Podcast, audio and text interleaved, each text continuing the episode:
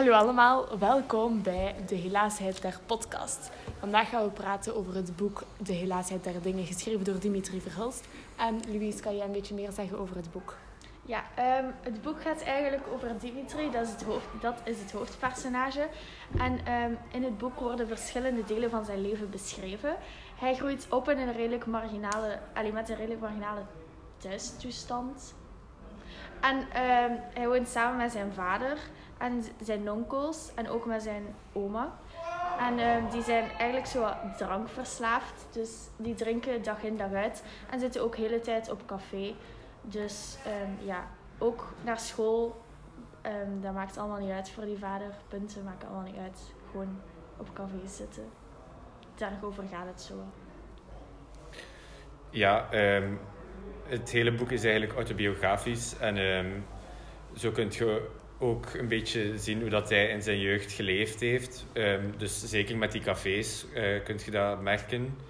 En ehm, eh, er zijn verschillende hoofdstukken over dingen die hij meemaakt. En ook niet alleen over zijn jeugd, maar bijvoorbeeld ook over zijn eigen geboorte en over de geboorte van zijn eigen kind. Ook over de dood van zijn vader vertelt hij. En over eh, wanneer zijn vader wordt opgenomen in een, eh, eh, Psychiatrische instelling. ja, in een psychiatrische instelling voor eh, te ontwennen. Zo rehab. Voor, Ja. ja. Oké. Ehm, ja, het zijn dus eigenlijk zo wat fragmentjes uit zijn leven. Ja, ehm, zo kun je het inderdaad noemen. fragmentjes uit gewoon zijn leven en eh, vooral het begin van zijn leven. Uit zijn, ja, Ja, over Ja. opgroeien en Over marginaliteit. Over zijn Ja, onkels en zijn Dat is algemeen het thema. Ja. ja. Oké, eh Hervé, kan jij anders iets meer zeggen over de leeservaring? Eh, ja, zeker. Het was eh, een interessant boek. Eh, het las zeer vlot. Ik heb het gelezen in eh één en een halve avond. Dus eh, zeer snel. En eh, ik had ook deze keer, weer, zoals de vorige keer, ehm, zin om het boek te lezen, want ik lees niet zo graag boeken. Ehm, het was eh, een leuk onderwerp ook. Ja, ik vond het toch leuk, eh, mijn, mijn mening. Over zo, eh, het drinken en zo.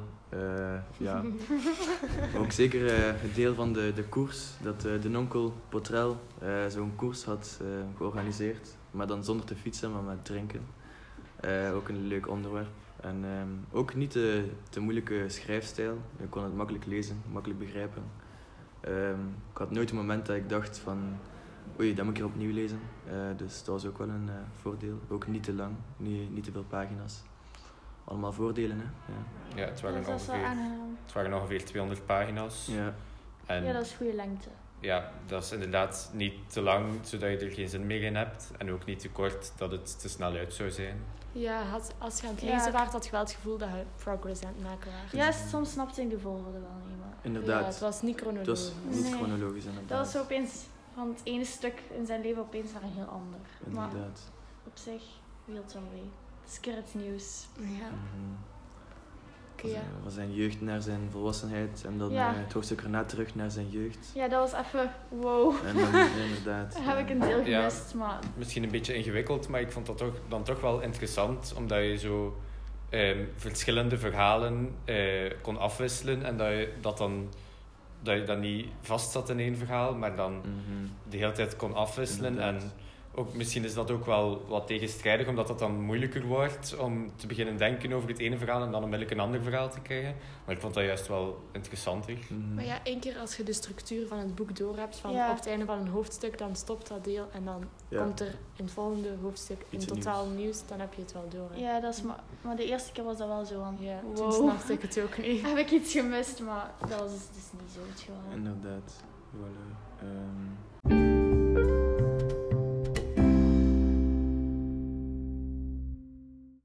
Wat ik ook wel gemerkt heb, is dat het boek gaat over ehm, alcoholisme. Dat is wel een maatschappelijk thema dat toch wel bij ons veel voorkomt.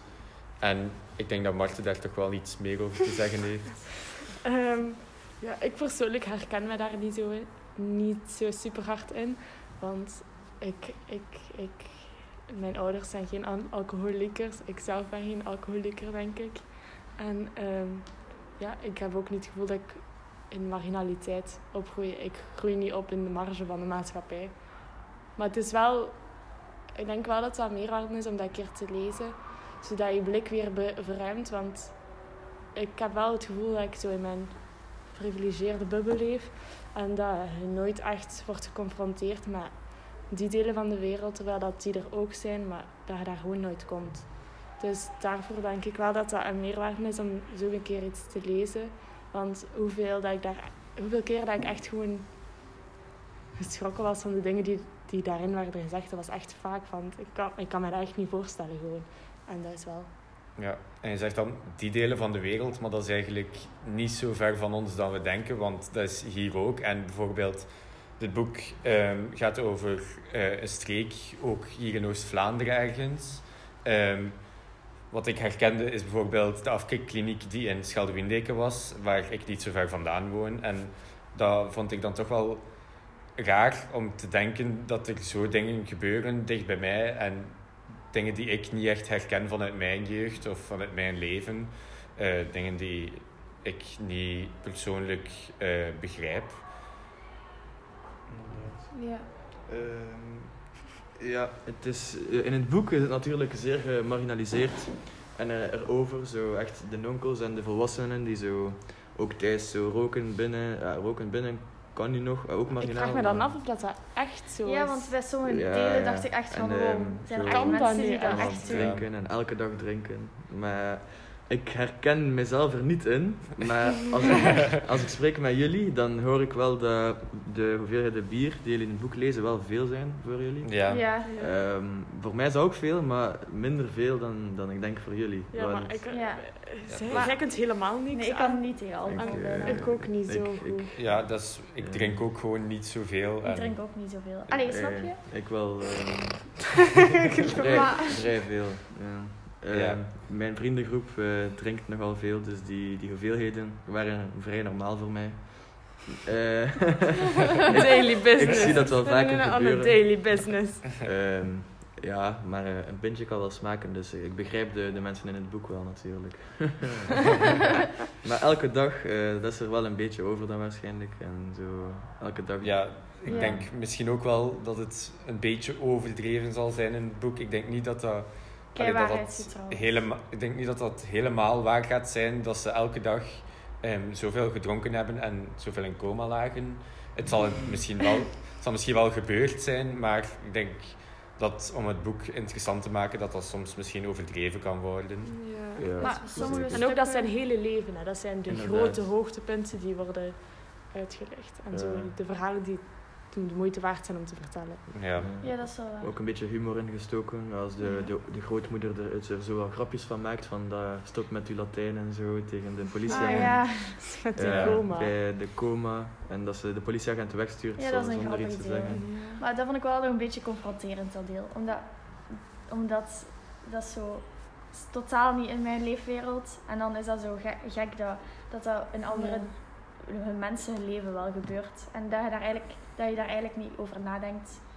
Dat het eigenlijk dan wel gebeurt. Inderdaad, inderdaad. Want nu leven wij zo in ons redelijk afgeschermde bubbel. Allee, ik toch Ik ook. Ja. En dan door dat boek heeft dat dat zo'n beetje doorprikt. En dat is wel denk ik een keer zo wat aangenaam. Ehm, ja, eh, inderdaad.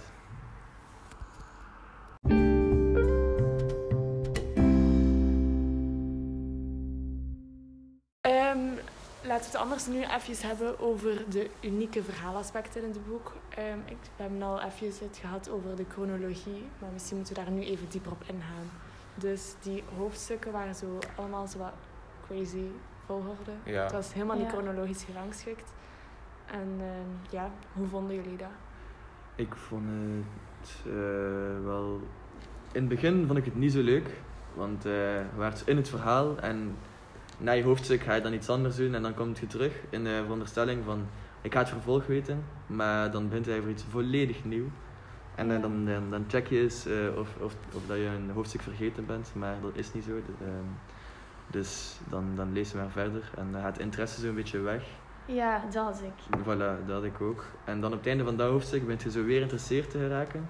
En En dan is het weer er exact hetzelfde. Ja. Ja. Ja, in het begin was dat echt irritant. Allee, ik vond dat Ja. redelijk irritant, omdat Want meestal ja, ben ik zo gewoon om zo één verhaal te lezen en dat, je dan, dat dat dan zo op het einde dat dat steeds spannender wordt en dat je dan echt zo in het verhaal zit.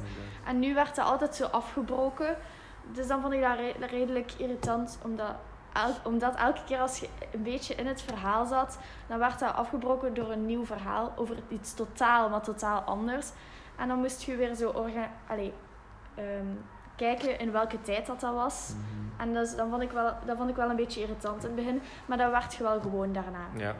Misschien, misschien was dat ook wel een beetje de bedoeling van de schrijver, om juist zoveel interesse te wekken in het ene onderwerp, om dan over iets totaal anders te beginnen, om toch nog te u te laten denken dat het begin van een verhaal interessant kan zijn, omdat je denkt dat je het einde van het vorige verhaal nog aan het lezen bent. En dan ga je verder eh, in je verhaal, waardoor dat het weer interessant wordt, omdat je weer eh, aan het einde van je verhaal te, begint te komen. Maar het ding is dat je nooit een climax bereikt. Ja. En soms miste ik dat wel. Allee, Ik wanneer mis niet komen? En dan Ja. had altijd die inleiding dat dan zo even moeite kost. En dan... Want meestal vind ik de inleiding in een boek ook meestal Saai. het saaist. Die en nu was dat de hele tijd inleiding. Allee, in mijn hoofd was de hele tijd inleiding, maar dat Ja. was niet de hele tijd inleiding, maar dat was het verhaal. Ja. En dus ik vind het leuker als een verhaal in één keer is. Dat er echt zo'n climax is. Ja, bijvoorbeeld in het begin ging het zo over het nichtje in het eerste hoofdstuk. En ik dacht, ja, later in dat boek gaat er nog eens terugkomen. Ja, en er gaat nog iets gebeuren. En er, zij was nooit weer En ik was terug. echt het weten wat er met dat nooit mens is meer gebeurd. teruggekomen, Ja. Dat was dan zo, Ja. ah, oké. Dat is wel spijtig. Eh, Alleen de enige die nog een keer is teruggekomen is die Nele Fokkedy daar. Die op het einde zoiets... Ah ja. Dat hij in Ja. de pleegzorg is beland dankzij Nele Fokkedy. ja. Ja. Maar dat was een superkort Fokkedy, stukje. Ik weet niet. Ehm, Ja. Wat ook een uniek verhaalaspect is, vind ik toch wel de, de schrijfstijl, omdat het toch wel vrij simpel geschreven is. Want veel schrijvers doen hun best om het zo ingewikkeld mogelijk te laten klinken. Maar hij doet wel echt zijn best om er gewoon een zeer verstaanbaar boek van te maken over een, verstaan, allez, een moeilijk verstaanbaar leven. Maar dat is wel een beetje logisch. Omdat dat zijn zo eenvoudige mensen, dus dat zou dat een beetje raar zijn als, het, dat- als dat ehm, zo ingewikkelde taal was. Ja, Dus ik vind dat wel een goede keuze. Ik vond het contrast wel opmerkelijk van zo als die mensen aan het spreken zijn, dan is dat soms super plat, kei dialect, allemaal goed en wel. En dan, als, dan gaf hij zijn eigen mening daarover en dan was dat soms zo heel mooi, Nederlands super Ja. mooi beschreven. Inderdaad, dat ik ook En dan vond ik zo, wauw, dat is wel cool dat dat gewoon gecombineerd kan zijn. Opmerkelijk. Ja. Ja. Dat samen kan gaan. Dat was leuk. Ja, dat vond ik Dat gaf zo'n leuke dimensie. Ja, zo'n- verhaal. Extra Ja, ik, vond, ik vond toch ook wel dat hij vooral, ik vond dat er toch wel een beetje verschil was van toen dat hij kind was, hoe hij sprak en hoe hij het ook vertelt, in vergelijking met als hij over zijn volwassen leven Ja, vertelt. die evolutie. Ja, ik, ik denk dat dat. super positief. Ja, ik vond toch wel dat hij in zijn volwassen, ja, in zijn volwassen leven veel depressiever klonk. En Ja. Ja, dat dat toch wel. ehm, en hij gebruikt dan ook andere moeilijkere woordenschat om wat dieper te gaan in zijn gevoelens. Eh, terwijl hij als kind eh, blij was. ja, als kind was hij veel... Gelukkiger. Ja, Ja, die vond dat leuk dat zijn onkels zo waren. Ja. Ja, die en vond dan dat leuk dat die zo allemaal het samen waren. Ja. En dan was dat niet zo. Ehm, heeft hij die ja. daar zo wat gelijk trauma's aan overhouden. Wat dat eigenlijk wel normaal is als je Ja, dat denkt. is zeer logisch. Ik zou er ook trauma's aan overhouden. ja, een beetje om samen te vatten, ik vond het wel een goed boek. Ik weet niet. ook. Ik, ik vond het een, een van de betere boeken die ik al gelezen heb. Ik vond het ook wel een leuk boek. Maar ik vond het juist jammer dat dat niet in één verhaal is. Ja, dat is ook het enige nadeel. Mhm. mij. Het is niet een van de leukste boeken die ik al heb gelezen, maar ik vind wel dat het een belangrijke maatschappelijke meerwaarde heeft en dat je visie en je blik verruimt. Dat Ja. is ik wel echt Een belangrijk goede vind. eye-opener, wel, vind Ja. ik. Ja. Ehm, ja, ik denk dat we ongeveer gedaan zijn met de podcast. Dat we genoeg Kunnen afronden. besproken en Ja. dat we kunnen afronden. Ehm, ja, dankjewel voor het luisteren. Tot de volgende keer! Bye. Subscribe, like en abonneer.